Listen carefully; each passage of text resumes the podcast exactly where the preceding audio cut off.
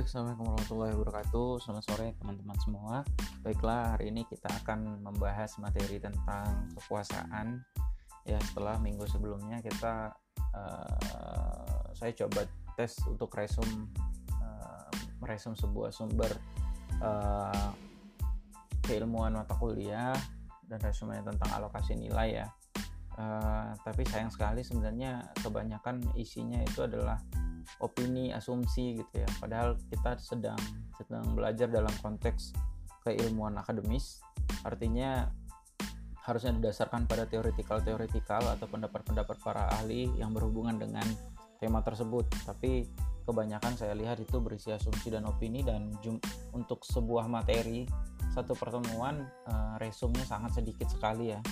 Uh, saya melihat tidak apa namanya belum belum clear sebenarnya materi soal itu. Jadi silahkan sebenarnya teman-teman uh, secara mandiri untuk uh, mencari kembali karena jangan sampai nanti ketika UTS teman-teman tidak bisa menjawab karena kedangkalan materi yang sudah teman-teman resume sebelumnya. Oke okay, uh, eh, materi hari ini tentang kekuasaan. Uh, kita tahu bahwasanya salah satu segmen dari uh, ilmu politik itu salah satunya adalah kekuasaan uh, dalam pembahasan ini kita akan bicara perspektif beberapa eh, pemikir-pemikir uh, ilmu politik, uh, sosiologi ya yang berhubungan dengan kekuasaan. Yang selain itu juga nanti kita akan mencoba menggali sumber-sumber uh, kekuasaan itu sendiri, juga termasuk bagaimana hal-hal teknis terhadap terhadap praktek-praktek kekuasaan itu. Oke, ya yang pertama uh, kekuasaan menurut Miriam Budiarjo. Kekuasaan adalah kemampuan seseorang atau suatu kelompok untuk mempengaruhi perilaku seseorang atau kelompok lain sesuai dengan keinginan para pelaku. Yang perlu kita garis bawahi di sini adalah kemampuan untuk mempengaruhi. Lalu kemudian yang kedua, Max Weber uh, menyampaikan bahwasanya kekuasaan adalah kemampuan untuk dalam suatu hubungan sosial melaksanakan kemauan sendiri sekalipun mengalami perlawanan. Dalam konteks ini, Max Weber ingin menyampaikan bahwasanya uh, kekuasaan itu uh, bisa saja kemudian dihadapkan dengan situasi yang berlawanan atau ada pertentangan di baliknya. Jadi uh, di situ kemudian kekuasaan diuji. Lalu selanjutnya Agustino menyebut bahwasanya kekuasaan adalah tindakan memaksa seseorang untuk melakukan sesuatu yang bertentangan dengan kehendaknya. Ya, ada poin yang perlu kita uh, perhatikan di sini. Uh, ada kata memaksa. Lalu kemudian Raman Surbakti uh, menyebut bahwasanya kekuasaan sebagai kemampuan menggunakan sumber-sumber pengaruh yang dimiliki untuk mempengaruhi pihak lain sehingga berperilaku sesuai dengan pengaruh yang diberikan. Kalau kita melihat dari sederetan perspektif para pakar mencoba mendefinisikan apa itu kekuasaan, kita dapat mengambil beberapa poin pokok. Yang pertama itu adalah kemampuan mempengaruhi, lalu kemudian bersifat memaksa. Nah, uh, ini ini uh, menjadi uh, poin pokok yang bisa kita jadikan sebagai landasan uh, konsep ketika kita masuk kepada uh, pembahasan kekuasaan lebih lanjut. Oke, okay, uh, eh, berikutnya itu karakteristik kekuasaan. Yang pertama, kekuasaan baru akan muncul ketika terjadi interaksi antar aktor, subjek, atau objek berinteraksi baik secara individu, kelompok, institusi maupun negara. Artinya kalau tidak ada interaksi, tidak akan terlihat ada kekuasaan. Jadi kekuasaan tidak bisa berlangsung tunggal oleh satu individu. Minimal dia terjadi di antara dua individu atau antara satu individu dengan kelompok atau sebuah kelompok dengan kelompok lain.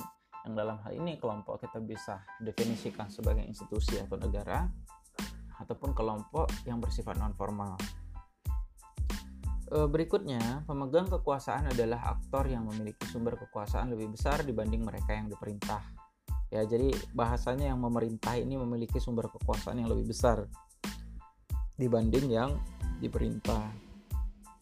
sederhananya kalau di lembaga-lembaga formal itu ya kepala dinas kemudian berkuasa terhadap staf atau pegawainya di dinas tersebut karena secara sumber kekuasaan eh, kepala dinas itu memiliki jabatan yang membuat dia memiliki kewenangan untuk mengatur eh, staf atau karyawannya. Eh, berikutnya Eh, pemegang kekuasaan akan mempengaruhi aktor atau pihak lain untuk melakukan kehendaknya dengan menggunakan kekuasaan yang dimilikinya. Artinya apa? Uh, di sini kekuasaan tidak selalu serta merta bersumber primer, ya. Jadi bisa jadi uh, kemudian saya uh, mengutus satu seseorang untuk mengatur orang lain itu juga uh, menjadi uh, apa? alur dari kekuasaan itu sendiri. Oke, okay, uh, berikutnya sumber kekuasaan berdasarkan bentuknya. Oke, yang pertama kekuasaan bersifat prosedural. Pada konteks ini, kekuasaan diberikan dalam bentuk otoritas atau kewenangan terhadap aktor yang menurut institusi pantas, yang mengedepankan kompetensi, akuntabilitas, dan keterampilan. Uh, praktik semacam ini sering kita lihat di lembaga-lembaga formal di negara kita di mana misalnya ketika ingin mencalonkan diri sebagai uh, pemimpin sebuah instansi atau mengikuti sebuah kontestasi politik tertentu baik di level legislatif maupun eksekutif uh, ada sejumlah persyaratan ada sejumlah mekanisme dan ada sejumlah aturan yang mengatur proses pemilihan tersebut yang kemudian diakhiri dengan uh, pemilihan ditetapkan dan dilantik. Nah ini yang dimaksud dengan kekuasaan bersifat prosedural, legal, formal. Artinya kalau kita bawa dalam konteks uh, kontestasi politik di negara kita, pemilihan DPR, presiden itu bisa disebut uh, bentuk kekuasaan bersifat prosedural. Artinya orang yang terpilih dari sana itu memiliki kekuasaan legal formal. Nah berikutnya kekuasaan bersifat substansial non legal formal. Ini berkaitan dengan hak memerintah berdasarkan faktor-faktor yang melekat di diri pemimpin. Misalnya mekanisme tradisional, seseorang memperoleh kekuasaan misalnya di adat-adat tertentu uh, seseorang diberikan wewenang untuk mengatur masyarakat adatnya karena misalnya dia keturunan uh, pemimpin adat yang sebelumnya. Uh, kan kalau di negara itu identik dengan pola peralihan kekuasaan yang di negara-negara berbentuk monarki atau kerajaan uh, itu berlangsung tradisional sekali uh, hampir bisa dikatakan uh, garis keturunannya merupakan uh, pihak yang uh, secara mutlak memiliki kekuasaan nah itu uh, yang dimaksud dengan mekanisme tradisional berikutnya perwahyuan Nah, ini kekuasaan yang lebih ke sisi religius. Kalau kita lihat di Vatikan itu ada paus ya. Nah, dia uh, memiliki wewenang atau kuasa terhadap uh, umat Kristiani. Dan dan apa yang menjadi keputusannya sangat ditunggu-tunggu. Umat Kristiani bahkan umat Kristiani sedunia. Uh, ini uh, berhubungan dengan kuasa religius yang diterima oleh seseorang uh, yang kemudian memberi menjadi sumber kuasa bagi dia untuk mengatur umat. Ya bahasanya seperti itu lalu kemudian uh, yang juga uh, penting kita pahami bahwasanya ada juga kekuasaan ini bersumber dari karisma. Jadi kalau kita lihat pemimpin itu terlepas dari kompetensi kapabilitas ataukah kemudian hal-hal lain monarki dan sejenisnya ada juga uh, yang juga karena karismanya. Kalau kita perhatikan organisasi-organisasi sekeliling kita mungkin kita menemukan uh, bahwasanya ada seseorang yang pada dasarnya dia bukan pemimpin organisasi itu tetapi dia terlihat sangat berpengaruh dalam lingkup organisasi tersebut. Sehingga kalau uh, dia memberikan ide gagasan itu sangat dihargai oleh yang lainnya. Bahkan uh, tidak apa sering tidak menutup kemungkinan pimpinannya juga kemudian mengikuti apa yang menjadi gagasan dan ide-idenya. Ini ini yang dimaksud uh, soal karisma ya atau kita kenal dengan karismatik. Ini kalau di mata kuliah uh, kepemimpinan itu uh, diceritakan bagaimana uh, terminologi kepemimpinan itu terjadi. Jadi seorang itu jadi pemimpin itu uh, atas dasar yang seperti apa saja dengan mekanisme apa saja. Nah berikutnya sumber kekuasaan uh, menurut Agustino sumber kekuasaan itu terdiri dari beberapa hal. Yang pertama itu sarana paksaan fisik. Ini kalau kita uh, lihat fakta sosialnya, ini biasanya terjadi di daerah-daerah yang memiliki uh, lokal strongman lah ya. Uh, misal kalau di beberapa titik di Jakarta itu ada titik-titik uh, yang ada preman yang berkuasa di sana atau kita lebih identik kenal dengan istilah premanisme.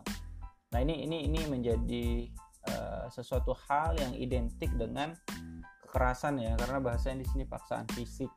Uh, ini identik dengan kekerasan uh, dan preman-preman yang ada di sana itu uh, sangat apa? sangat secara signifikan berpengaruh terhadap tata wilayah itu. Lalu kemudian kekayaan dan harta benda ini lebih umum lagi, sering kita saksikan bahkan masuk ke arena politik kita banyak sekali pengusaha yang mulai muncul untuk uh, berkuasa dan mulai uh,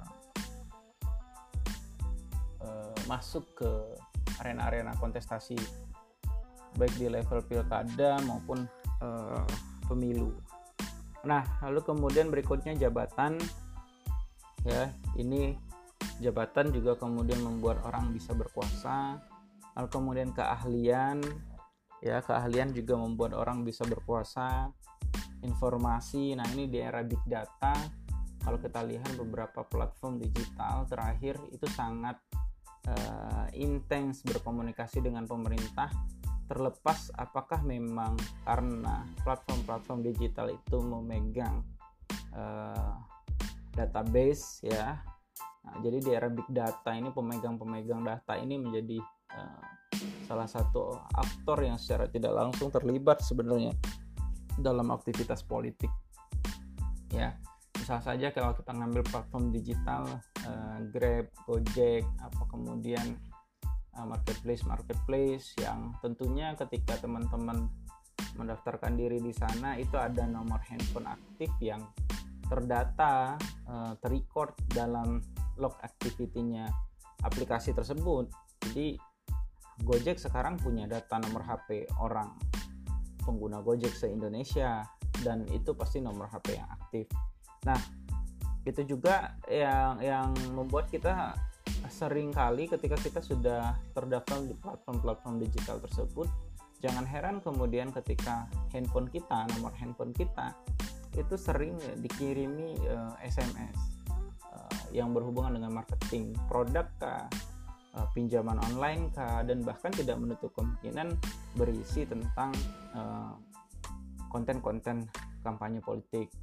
Nah berikutnya status sosial Nah, status sosial ini ini menjadi uh, sesuatu hal yang dari dulu uh, menjadi bahasan yang sangat menarik kalau kita uh, ingat bagaimana uh, seorang Mark meluncurkan pemikiran dan gagasan-gagasannya atau yang kita kenal kemudian dengan Marxisme, paham Marxis. Ini sebenarnya dia bercerita tentang uh, kelas sosial bagaimana orang kelas sosial uh, ke sosial bawah mencoba merebut uh, kekuasaan dari kelas sosial atas yang atau yang yang kita sebut uh, dengan perbandingannya buruh dan kapitalis. Nah,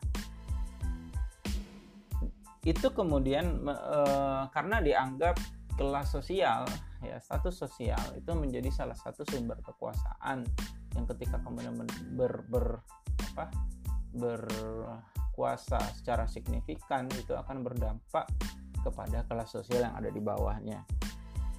Lalu kemudian popularitas pribadi. Nah, ini kalau kita saksikan beberapa hal yang terjadi di uh, pilkada dan pemilu kita beberapa waktu terakhir, uh, sering kita melihat banyak dari kalangan uh, entertain uh, artis uh, pelawak dan sejenisnya itu terjun ke politik karena dianggap kemudian uh, mereka memiliki popularitas pribadi untuk mempengaruhi orang lain dan menang dalam kontestasi politik tersebut. Itulah kenapa kemudian banyak partai politik yang mulai uh, mencoba mendekati uh, para artis uh, atau entertain untuk bergabung dengan mereka karena itu berhubungan dengan popularitas dan elektabilitas uh, partai tersebut dalam kontestasi politik.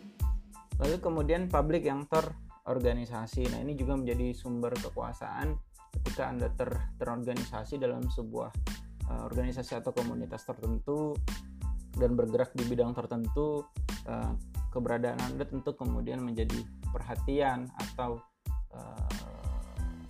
orang-orang uh, yang berkepentingan di ranah yang sama itu akan hati-hati dengan Anda karena dianggap Anda dan kelompok memiliki uh, otoritas tertentu atau pengaruh tertentu terhadap uh, hal tersebut. Lalu kemudian uh, kalau menurut Budi Arjo ada tiga hal yang menjadi sumber ke kekuasaan itu kedudukan seperti yang kita bahas tadi uh, berhubungan dengan uh, jabatan, kemudian kekayaan yang berhubungan dengan harta benda yang disampaikan oleh oleh Agustino dan yang ketiga itu kepercayaan. Mungkin ini yang berhubungan dengan uh, perwahyuan tadi. Uh, scope of power cakupan kekuasaan. Ini berhubungan dengan kegiatan atau aktivitas yang dilakukan. Lalu kemudian perilaku atau sikap yang diperlihatkan uh, dan keputusan yang dibuat. Nah ini ini ini cakupan kekuasaan oke okay, uh, mungkin kita uh, dihadapkan dengan beberapa pengertian yang cukup oh, hampir mirip. Yang pertama itu kita cerita soal wewenang, lalu kemudian kita cerita juga soal kekuasaan dan pengaruh. Nah, wewenang sebenarnya pada dasarnya bermakna kekuasaan yang dilembagakan.